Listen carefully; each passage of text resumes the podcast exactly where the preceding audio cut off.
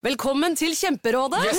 Denne gangen har vi fått inn et kjempedilemma fra en familie. Okay. Jeg leser Hei, vi er litt uenige i familien her. Mm. Hvis du skulle vært et dyr, ville du hatt gjeller eller vinger? Oi, den er tricky. Ja, Hva ville dere hatt, da? Altså, jeg vet ikke, men Med familierabatt får du ubegrenset data fra Telenor fra 399 kroner. Da kan du scrolle seg til svaret, rett og slett. Ja, ok, Men for min del Ja. gjelder. Nei, nei, Gjelder. nei, vinger. Nei, nei, gjelder. Ja, okay, ja, Kjempebra. Men eh, se nye mobilabonnement på telenor.no, da.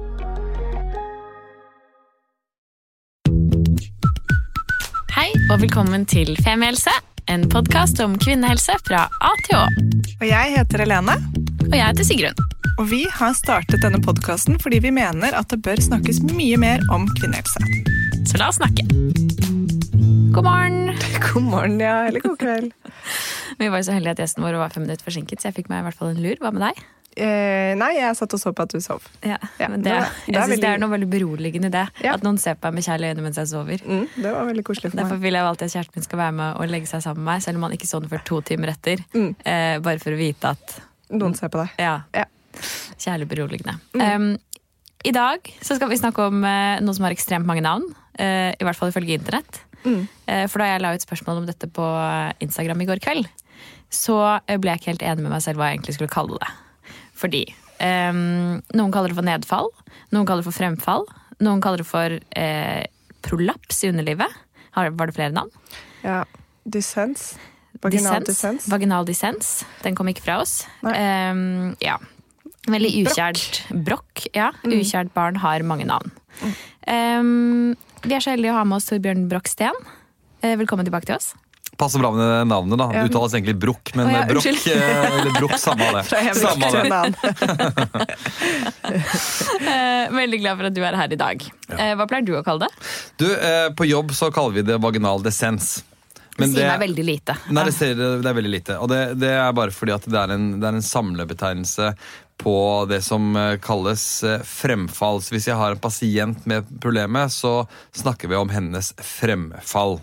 Ja. Det, er det, det, er det, liksom, det er det vanligste hva skal vi si, eh, lekmannsordet, om du vil. da. Kan ikke du fortelle kort om deg selv, for eh, hvis ikke du som hører på kjenner Torbjørn fra før? Ja, jeg eh, jobber som overlege på kvinneklinikken på Ullevål og driver mest med fødsler, men eh, tar vare på kvinnehelse så godt jeg kan. Og så skriver jeg noen bøker spesielt om fødsler og graviditet. Og så mener jeg litt om forskjellige ting på bloggtekster her og der, så jeg prøver å melde meg litt på, da. Og du har jo vært her før, og hvis du ikke har hørt ennå, så anbefaler vi å høre på episoden om fødselsangst og fødselsskader. Er det flere? Eh, Hos dere er det de to. De to, ikke sant? vi begynner der. Og vi har fått så mye gode tilbakemeldinger på de to episodene. Å, så hyggelig. Ja. Så hvis du ikke har hørt de, ta oss og spol tilbake og, og hør på de også. Anbefaler vi, da. Det er helt ydmykt. Ja. um, ok, men kan vi ikke begynne med hva, hva er dette her? Ok, så eh, du har en eh, bekkenbunn. Eh, eh, og den bekkenbunnen er det som på en måte holder ting litt på plass. Eh, og den bekkenbunnen den er dere kvinner gode til å trene, og vi menn er ikke spesielt gode på å trene den. Og det den gjør, er å holde hva skal vi si, de indre kjønnsorganer i ryddig posisjon. Eh, Og alle organene våre på plass, egentlig? eller? ja, altså Hvis du ikke hadde hatt bekkenbunnen, så hadde mer ting glidd ned og gjennom der. For det er jo hull men, rett eh, ut. men det jeg har gjennom der, er ikke så fryktelig mye. liksom. Det er eh, en tarm og det er et urinrør og sånt nå. Mens dere har jo en limor livmor og en livmorhals osv. som holdes godt på plass. Og med det så er det slik at det kan eh, hos noen, og vi regner med at rundt 3-6% får da såkalt symptomgivende eh, prolaps, eller da fremfall, ender med at de, den bekkenbunnen holder et dårligere plass, slik at man da vil se livmor eh, Jeg mener eh, vaginalslimhinne bule ut. Hva er vaginalslimhinne? Ja, det er rett og slett uh, det det man kjenner når man Ja, det er skjeden. Ok, Så den henger ut av tissen? Ja, og så kan man jo si hva er tissen, da. Eh, vi kaller det vulva, for å si det flott, og så kan man kalle det kjønnsåpningen, men det heller henger utenfor kjønnsåpningen. Og den anatomiske delen, for å bruke litt sånn detaljer her, det er faktisk det er faktisk eh, det som er hymen eller, eh, eller eh, Jomfruhinnen? jomfruhinnen, som selvfølgelig ikke er noe jomfruhinne, men som er da det anatomiske punktet. Så vi snakker om kommer det eh, slimhinne eller vaginalvegg eller skjede utenfor det området eller ikke. Det er definisjonen av eh, et bråk. Ja. Ja, altså hvis Kjipt. Du, ja, det kan du godt uh, si. Eller jeg hadde blitt livredd da, hvis det hadde vært meg selv. Og jeg, jeg har jobbet på gamlehjem i mange år, Ja. så jeg har sett dette i praksis. Men da var det Eller det opplevdes som eh, ganske dramatisk, men da kom jo hele livmoren ut. Nemlig, og det er det jeg skulle til å si nå også. Hvis du liksom er en sånn verstefallsgoogler, eller eventuelt har din historie på gamlehjemmet, så, så og liksom hold det fast nå, så kommer det en sånn vrengt polvott. ikke sant? Da, da liksom det er hele uh, utafor. Det er ekstremt sjelden, og det tilhører på en måte gamlehjemmet, for å si det litt sånn enkelt. Men hvis det er slik at man har født noen barn, da, eh, så eh, kan det godt hende at man kjenner at ting er litt annerledes. Hvis du er liksom veldig myk og yogate og klarer å vrenge deg selv helt rundt og liksom se ordentlig på deg selv mens du presser ordentlig ned, så kanskje du klarer også å se litt eh, slimhinne eller, eh, eller skjedevegg. Så er ikke det så farlig. Nei. Men når er det det blir farlig symptomgivende? Et veldig sånn enkelt spørsmål er går det greit å sykle. Altså med andre ord, Når du sitter på et sykkelsete og du, du kjenner at det liksom at det rett og slett rugger litt mot setet, da, da er det på tide å, å spørre seg selv om det her skal gjøres noe med. Andre ting kan være at du eh, eh, Sex, for eksempel? Sex, for eksempel. Nemlig. For det kan jo kanskje høres ikke så veldig behagelig ut hvis eh, Så hvis det blir vanskelig, eh, eller hvis man rett og slett tenker at nå syns jeg det er annerledes enn før Og nå skal jeg dele litt her. Eh, Moren min hører selvfølgelig ikke på dette her, men hun fikk eh, prolaps for noen år tilbake og gikk til gynekologen sin. Så sa han jeg får bare se det litt da. Så sa han jeg skal ikke se noen ting av det. Dette er ikke bra for meg. Det er både ubehagelig, hun kjenner en tyngdefornemmelse i trusa. Når hun går på spinning, så er det vanskelig. Og hun syns ikke det er noe kult å ha sex med min far da, når hun har det sånn. Så dette vil hun fikse opp i. Og så fiksa hun opp i det, og nå har hun det så bra. Ikke det at hun driver og forteller om alt mulig om sitt seksualliv, men det er bare ikke så fryktelig vanskelig å få gjort noe med det. Nei, for hva kan man gjøre med det? Kirurgi. Så kan du også legge en sånn ring. Og før vi gikk på lufta her, så dere snakket om den ringen, så tenker jeg ok, Det er også en gamlehjemserfaring, ikke sant? ja. Og det er sikkert mange der som ikke går på gamlehjem og har den ringen. og lever fint med det, Men det er litt sånn da må den ringen tas ut når man har sex, og så er det litt stress med det. Så er det slik at uh... For da setter man en ring oppi skjeden som holder ting oppe? Er det sånn det fungerer? Altså, Jeg vet ikke noe mer enn at Ja, det var en det- ring inne i bildet. Helt riktig. I gamle dager så hadde jo våre bestemødre pessar for å ikke bli gravide. Så det er som et pessar. Du legger den ringen rundt limerhalsen, og så holder den ting eh, på plass. Som en omvendt menneskehopp, på en måte. da. Ja. Det er en omvendt eh, menskopp, men det har ikke noe kopp ved seg. Og ringen er stor. Nå prøver jeg å vise her, men sånn eh, kan være 5-6, opp mot 8 cm i størrelse. Så det skal jo da måles fra vår side og legges opp en ring.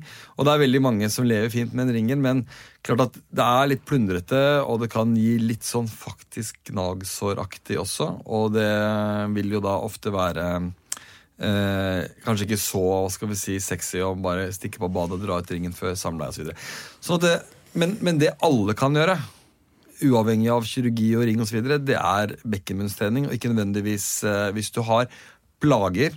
Hvis du bare har lyst til å drive bekkenbunnstrening, så gjør det ut fra hva man finner på YouTube. Men har du plager, så går du til eh, en eh, fysioterapeut som kan virkelig hjelpe deg med å ordentlig finne til musklene dine.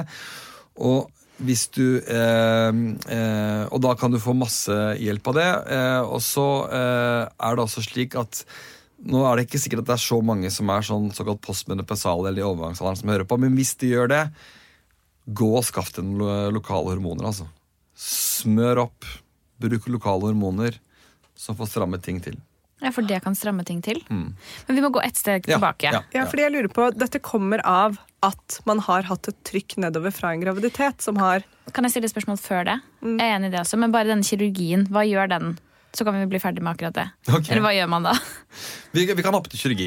Nei, eh, og dette, eh, La meg skryte litt av, eh, av eh, Norge. da, Bruke om to minutter på det. Fordi i resten av verden så begynte man for en del år tilbake å legge inn såkalte mesh, eller sånne plastikkbånd som man sydde fast inn i kroppen for å stramme ting litt til.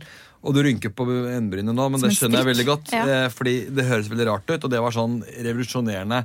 Det er helt crazy, og det har alle gått, bort fra. Men min eh, sjef på den avdelingen som driver med dette på Ullevål, hun sto fast ved at man gjør det på den gamle måten. Og det man gjør, og dette er litt teknisk, men man rett og slett spalter denne vaginalslimhinnen eller kjedeveggen litt til siden, og så syr man eh, sting for å så legge den bulen ned og ut bak de stingene. Det er litt teknisk, og hvis dere er kjempeinteressert, så googler dere Manchester-operasjon, så kan dere få bilder av hvordan det gjøres. Men det er i hvert fall slik at man bare syr dette brokket sammen og lukker det. Ok, jeg er fornøyd. Takk. Ok, greit. Fint. Helene, vær så god. Nei, Beklager. jeg bare tenkte vi bare, Hva er det årsaken til det? For nå Ja. hoppet vi egentlig veldig rett til ø, symptomer og til behandling. Ja. Men hvorfor skjer dette? Hvorfor skjer Og det med hvem noen? skjer det med? Ja. Ja, eh, og det er eh, dessverre slik at eh, For det første så skjer det stort sett hos kvinner som har gått i overgangsalder. Eh, men så skal det ikke stikkes under en stol at graviditet og fødsel er jo en kjempefaktor på dette her, da. Og nå må ikke det bli en, en podkast hvor folk tenker at jeg skal aldri føde vaginalt, for da kommer jeg til å få liksom, prolaps. Igjen så er vi på et veldig lite nivå. Det er bare noen eh, promiller som opereres, og det er bare noen prosenter som har plager. Men det er rett og slett strekk i denne, igjen, denne bekkenbunnsmuskulaturen.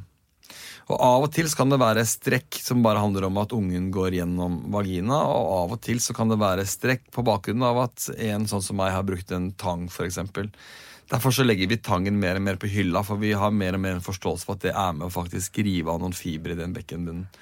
Sånn at eh, eh, det, det er med på å hva skal vi si, gjøre dette. Og så er det jo flere barn du får. slik at Hvis eh, hun du passet på på sykehjemmet hadde født syv barn, så kanskje det var en av grunnene til at det til slutt ble sånn som det ble. Så det er liksom litt sånn uflaks med den graviditeten og fødselen. Altså, jeg må bare allikevel hekte meg fort på at det er mye å gjøre for å hindre det. Eller for å kunne behandle det. Men det er kun kvinner som har vært gravide og født, født vaginalt, som får dette? Nei, det er ikke det. Eh, og eh, spørsmålet er om keisersnitt beskytter eller ikke, og da er svaret litt tja. Hvis man skal bruke liksom litteratur, med andre ord studier, for å kunne, kunne belegge det jeg sier, så viser de i studien at alle de som kun har keisersnittsfødsler, har i større grad mindre eh, eh, prolapser eller fremfall enn de som har født enten vaginalt eller med vakuum eller tang. Og så er det en balanse her, da, fordi at keisersnitt i seg selv gir såpass mye dårligere fordeler for mor og barn i forhold til helse, slik at det må veies opp. Men, men man ser også at de som har keisersnitt, eller som aldri har født, også får fremfall. Så det handler om den hormonelle biten, hvordan ting, eh, hvordan bl.a. østrogenet, dette hormonet dere har, er med på å holde ting oppe og, og måtte stramt. da. Sånn at eh, det er ikke beskyttende i seg selv gjøre keisersnitt, men, men eller, det er en viss grad beskyttende, men graviditeten i seg selv og trykket ned mot bekkenbunnen er også med på å gi muligheten for å få Ja. fremfall. Og det er jo ikke et likhetstegn mellom det å føde, eller gå gravid og føde vaginalt og det å få fremfall. Eh, Fordi Tall vi har funnet på internett, sier jo at en tredjedel som har født, kan få dette. Men da er det i stor varierende grad. Da, er det ikke, da snakker vi ikke om de hvor du ser livmoren på en måte tyte ut av skjeden. Og det må fortere opereres. Nei, du, da Nei. snakker vi om alle spekteret innenfor nettopp litt sånn fra å bli eh, inkontinent en periode etter fødsel til å oppleve den helt ekstreme som krever kirurgi. Stemmer Ja. ikke det? Det er riktig. Og det vi egentlig snakker om, er, eh, er bekkenbunnsplager. Ja. Så det er, det er på en måte bredspektret. Så når man leser på internett, for vi så litt på det sammen før vi gikk eh, på lufta her, så, så kan man liksom lese ut av en artikkel hvor det står sånn en tredjedel for plager, så var det sånn det tallet er helt feil. Og så begynner man å grave bak de tallene, og så er det egentlig bekkenbunnsplager som ligger innenfor det. Og hva er bekkenbunnsplager? Jo, det er blant annet eh, vannlatingsbesvær, at man har det såkalt stressinkontinens. Hoster, nyser og tisser på seg til da disse fremfallsplagene, til at man kanskje har litt lettere for å slippe luft når man har eh, altså, Det er, det er en sånn samle, samlebetegnelse. da. Og der er det nok en tredjedel som får noen plager, men det er stort sett forbigående, og det er de færreste som ender opp med å trenge videre hjelp av kirurgi. da. Det er litt løgnaktig tall, da. Eller litt skremmende tall, i hvert fall. Ja, tallen, Tall må alltid liksom tygges på og se litt på bakgrunnen for før man kan eh, liksom svelge det. Mm, er det noe man kan gjøre for å forebygge dette her? Eh, egentlig ikke. Eh, Det er ikke noe sånn at man eh, bør drive med noe sånn bekkenbunnsmassasje. eller altså Alt dette her får man ikke til. Slik at det er bekkenbunnstrening som er det eneste eh, egentlig for oss å forebygge. Å knipe i vei? Knipe i vei er superbra. Både før, under og etter en graviditet? Absolutt. Det er, det, det, er, eh, det, er, det er bra for veldig mye. eh, Og, og spesielt disse tingene her, så er, er knipeøvelser eh, bra. Slik at før noen går under kniven på noen som helst måte, så blir de bedt om å drive med knipeøvelser. Ok. Um, skal vi ta noen spørsmål her, Siggen? Det syns jeg fordi vi har fått ut utrolig masse spørsmål. Ja. Um, her kan vi ta det første, eh, som er da bongacam.website. Free my webcam chat free. Nickname Emery Burned. Så det, er, eh, det var førstemeldingen Ja. som har kommet Ok. der. Vi har begynt å få mye sånt for tiden. Det er jo på en måte litt gøy. Mye herlig eh, pornospam. Det setter vi pris på. Det setter vi pris på. Ja. Um, her er det en som spør om noe som jeg ikke engang vet hva betyr, så da kan vi jo kanskje begynne med den. Kan det være en sammenheng mellom EDS og livmorsfremfall? Vet du hva EDS er? Eh, Eller Danos syndrom. Å ja. Ja, er det? det er en bindevevssyndrom, og alt som har med bindevev er supervanskelig. Så okay. En ting er at det er vanskelig forkortelse, annen ting er eh, Nei, ikke det hele tatt. Det er sånn hypermobile ledd og sånt nå. Det Ja. er Eldanos. Eh, nei, ikke så vidt jeg vet. Nei. Så bra. Um, så er det en annen som spør, okay, som spør om det kan gå over av seg selv.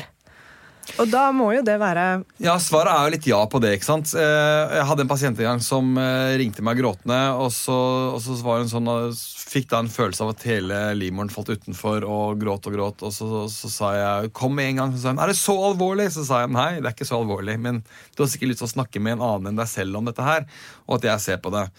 Og så var det helt riktig at, man, at jeg så da en, en utbuling som på en måte var betegnet som dissens, og sa vet du hva, dette her vet du, dette her blir så bra om et par uker, så da kommer du tilbake da, eller så bare ringer du meg og sier at jeg ikke trenger å komme, og så ringte du meg og sa at det ser helt fint ut. Så sånn rett etter fødsel er det ingen grunn for å bekymre seg for noen ting. Det kommer til å trekke seg fint opp tilbake. Det tror jeg faktisk mange blir veldig glad for å høre. Ja. Hvor lang tid skal man gi det før liksom underlivet skal på en måte da være på stell igjen? Ja, altså For det første så må man ikke tenke så mye på hvordan underlivet er før man er helt ferdig med å amme, fordi det er hormonelt også bundet opp i hele denne pakka her. Men i de første par månedene så kan man godta at det er ting annerledes. Ting skal liksom sutur, altså Det som er blitt sydd, skal gro og hele og sånt. Og så gi, gi alt i hvert fall et par måneder før du begynner å bekymre deg. Altså. Til man er ferdig med å amme. Ja, eller altså Underlivet vil være annerledes under hele ammeperioden også. Hvorfor det? Jo, fordi når du ammer, så påvirker det hormonproduksjonen, så du er rett og slett eh, tørrere i skjeden og Er det, Slikt. ok, nå avsporende spørsmål. Kan jeg stille et avsporende spørsmål? Ja, Er dette eh, grunnen til at mange syns det er vondt å ha sex veldig lenge etter fødsel? Yes. Selv om de ikke har født vaginalt engang? Mm. Ikke sant? Det handler rett og slett som, eh, og Der er det studier som viser at uh, altså, smertene er forbundet selvfølgelig hvis du har rifter og klipp. og sånt nå. Men uh, når ammingen er over, så går sexen bedre. Jeg håper ikke Grone Landet hører på meg nå, for da kommer hun til å bli kjempesint. Men, men det er nå en sannhet. da. Um, her er det spørsmål eh, som er Kan man se det allerede på gravide mager at man begynner å få et problem? På gravid mager, nei. Nei. Men det er absolutt noen prosent som hvor, hvor, hvor man får en sånn type fremfall eh, under graviditeten. Og det har noe med, med liksom trykk, trykkfornemmelsen å gjøre. Jeg tipper kanskje det er tyngdekraften eller altså, Ja. et eller annet hun Ja. sikter til her. jeg, jeg, jeg, tror hun, jeg tror hun mener ikke gravid mage, men jeg tror hun mener gravid un underliv. Og, eh, så det er mange som bekymrer seg fordi at de da merker. Så er det da et spørsmål For mange kan jo kjenne på sånn nedpress, kan de ikke det? Helt klart. Eh, og jeg har hatt noen pasienter, og det er, en sånn vanskelig dilemma. Kvinner som er født vaginalt, og så har de en såkalt så har de fremfall, og så kommer de til meg og sier hva gjør jeg nå? keisersnitt eller vaginal fødsel. Og, og, og da sier vi alltid vaginal fødsel, og så sier de det nekter jeg, det klarer jeg ikke. Blir det her verre enn som så, så kan jeg ikke leve med det. Eh, Og det er reelt da, for disse kvinnene, og det er en vanskelig avgjørelse å vurdere. Så jeg har hatt to kvinner med dette her og siste tiden, og én keisersnitt, én født vaginalt. Og så er det Ja. Ja, Er det noen sammenheng med genetikk? Ja, det tror vi. Eh, og når man ser på risikofaktorer for, eh, for fremfall, så ligger det liksom litt i systemet, men, men, eh, men man er ikke helt sikker, faktisk. Så eh, man, man, det, som, det som det står eh, i retningslinjer i Norge, er at det kan ha genetiske bakgrunner, men man vet ikke, faktisk. Ikke sant? Og så her er det en som har et veldig spesifikt spørsmål, men jeg synes egentlig det er litt interessant. Hun spør sånn, hun sier at eh, etter graviditet og fødsel så funker det plutselig ikke å ha tampong lenger. Den bare sklir ut. Ja. Eh, hva er det er tegn på at det er, Burde hun da gå og sjekke det? Er, er det tegn på at det er noe galt, eller? Første gang jeg egentlig nesten var på lufta noen gang, var vi på NRK P1 for nesten 20 år siden. Og da var jeg ganske sånn klar og mente høyt og tydelig at eh, hvis man føler seg veldig annerledes i underlivet etter en fødsel, så fiks det. Eller la oss fikse opp i det. Eh, og det kan godt hende Og det at eh, man kanskje har satt et sting for lite, at det har blitt litt for stor åpning. Så jo større selve kjønnsåpningen inn til vagina er, jo vanskeligere kan nettopp det være å la en tampong sitte osv. Så, eh, men, men i seg selv så skal ikke den bare sitte i kjønnsåpningen. da. Men hvis det har blitt for romt, da, for stor plass, så, så eh, kan det godt eh, være vanskelig med den tampongen. Det er også en ganske sånn lett operasjon. Hvis, man, hvis det er for stor plass i vagina etter man har født, så kan kvinner annet oppleve ufrivillig luftavgang fra skjeden under sex, f.eks. Lett å fikse opp i. Så eh, er du usikker, kjenner du på det at ting er annerledes, jeg har det ikke bra med dette, gå til en gynekolog og få det liksom, hva skal vi si, objektivt vurdert. Og ikke vær redd for kirurgi, for vi har gode resultater på det.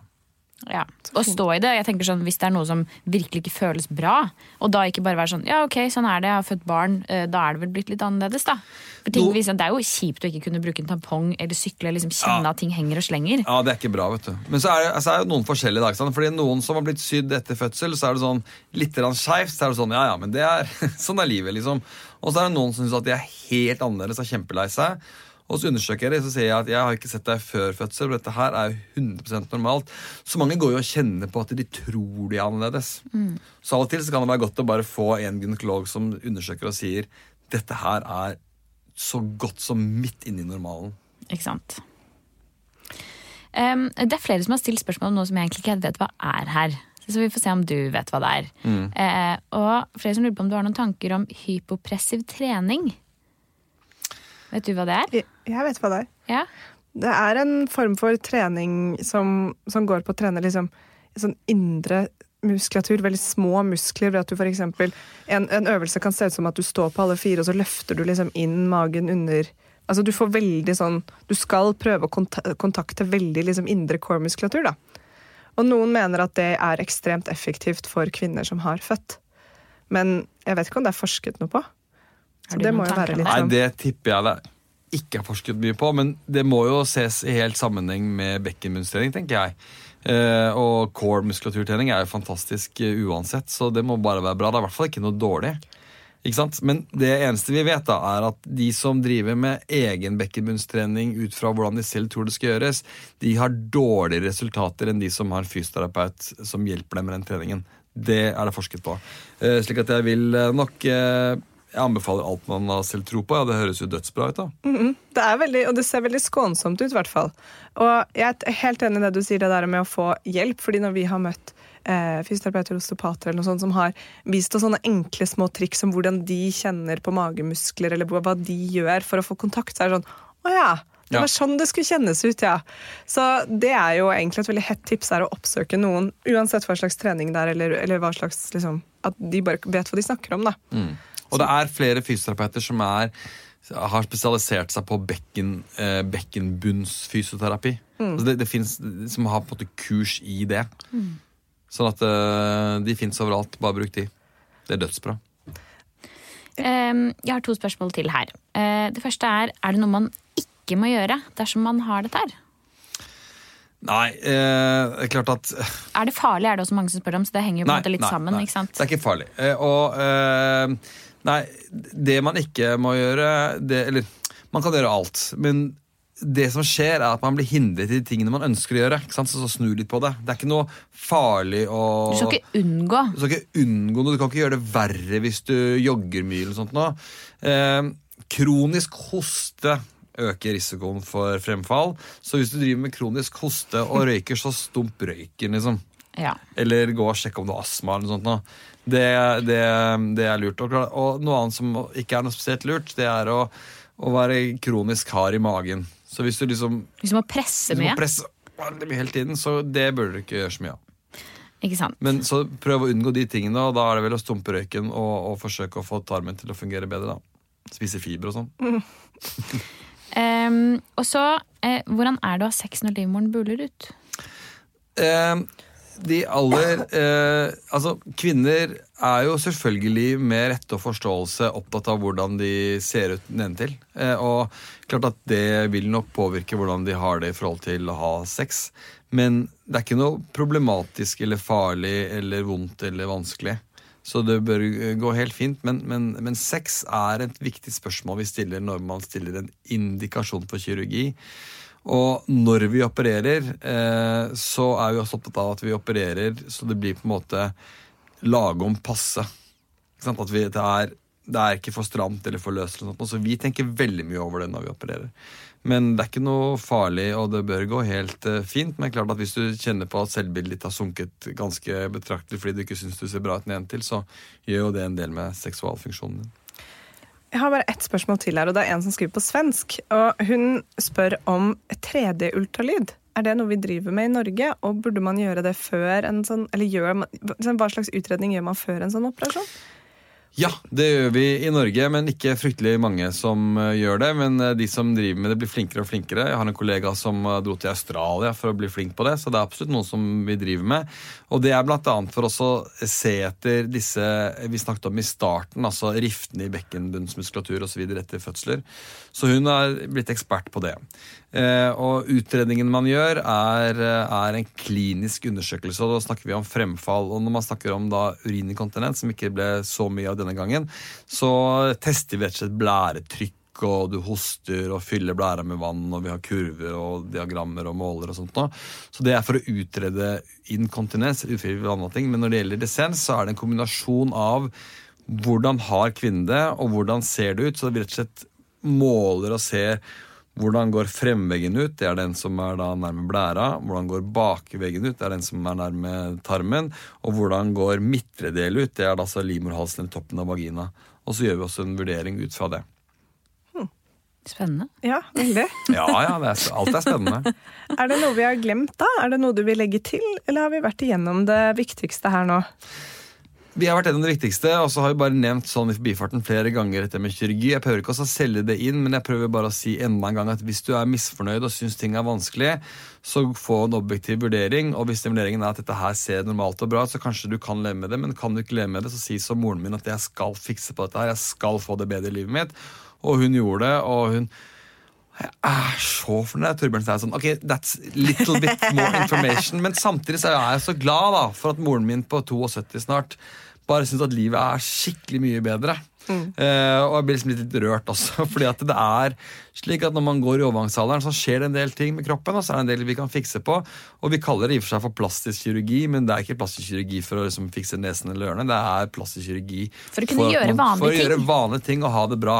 Et slag for eh, hvis Vi slår et slag for det. Det tenker jeg også er en bra sånn avsluttende her. At Ja. eh, du skal kunne gjøre vanlige ting på en vanlig måte. Ja. Eh, I hvert fall på den måten du har lyst til å gjøre det. Og, ja, og som alltid så er det Jeg føler av og til at noen av de spørsmålene vi får inn, så høres det ut som at folk har prøvd å gå litt til leger eller kanskje ikke blitt hørt. Og da burde man kanskje bare bytte gynekolog eller finne en man liksom kjenner at hører på deg. Og, og, stå at, og orker at du står i og sier at dette her funker ikke for meg, selv om du sier at dette er helt normalt. Det var det moren min gjorde. Hun eh, fikk beskjed om at eh, du får vente og se deg an. Og så spurte hun meg hva er det jeg skal se an Skal det spontant bli bra, så sa jeg det blir ikke spontant bra, men du kan prøve litt østrogen. Det har jeg prøvd, det blir ikke noe bedre. Ja, det er ikke noe å se an. Nei, Fiks det. ikke sant. Ikke se den, fiks det. Ok, Så nå er vi på en måte Hvis du er moren til Torbjørn, så er vi, vi alle sier det til deg nå. Ikke se den, fiks det. Ja. Så bra.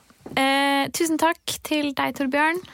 Takk selv for at jeg fikk komme. Eh, og tusen takk til alle dere som har sendt inn spørsmål. Ja. Altså, jeg sa til Helene jeg la ut spørsmål om dette i går. Bare sånn, Jeg vet ikke om vi kommer til å få inn så mange spørsmål på dette her. jeg».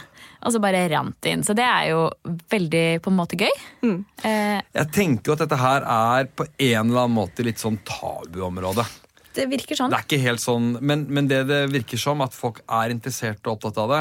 Og klart at det er ikke, Man går ikke liksom og spør hvordan, hvordan ser ditt underliv ut om dagen. ikke sant? Det, er jo ikke, det funker jo ikke. Men nå har vi brakt det fram, så nå håper vi liksom at nå blir det en, det blir en kø utenfor eh, den lokale gynekologiske avdelingen. Det blir bra. For det vil jeg si bare at Før jeg gikk, så fortalte jeg liksom kollegaene mine at jeg skulle spille en episode om dette, og da var det to damer, og de sa de ikke hadde de kjente ikke noen som hadde opplevd dette, eller de hadde ikke snakket om det. Så det er en oppfordring til deg hvis du hører på dette, er å snakke med folk du kjenner om det. Eh, fordi det, kanskje man kan dele litt tips og triks og erfaringer. Og at ikke man skal føle seg så innmari alene i det og lure på liksom hvor lenge man skal leve med det osv. Så, videre. så siste oppfordring snakk om det. Ja. Strålende. Så bra. Ok, ha en strålende dag. Ha en strålende dag. Vi gleder oss til du skal høre på oss igjen. Ja, Det gjør vi. Ha det. Ha det! Tusen takk for at du hørte på podkasten vår. Selv om det forhåpentligvis kommer tydelig frem, så vil vi understreke at vi ikke er helsepersonell.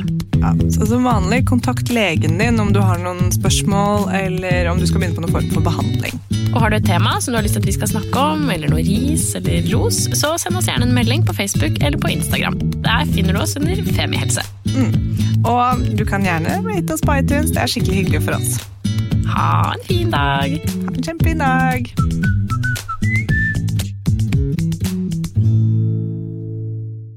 Velkommen til Kjemperådet! Yes. Denne gangen har vi fått inn et kjempedilemma fra en familie. Ok. Jeg leser Hei, vi er litt uenige i familien her. Mm. Hvis du skulle vært et dyr, ville du hatt gjeller eller vinger? Oi, den er tricky. Ja, hva ville dere hatt da? Altså, jeg vet ikke, men Med familierabatt får du ubegrenset data fra Telenor fra 399 kroner. Da kan du scrolle seg til svaret, rett og slett. Ja, ok, Men for min del Ja. gjeller. Nei, nei, nei, nei, vinger. Nei, nei, Ja, gjeller. ja, kjempebra. Men uh, se nye mobilabonnement på telenor.no, da.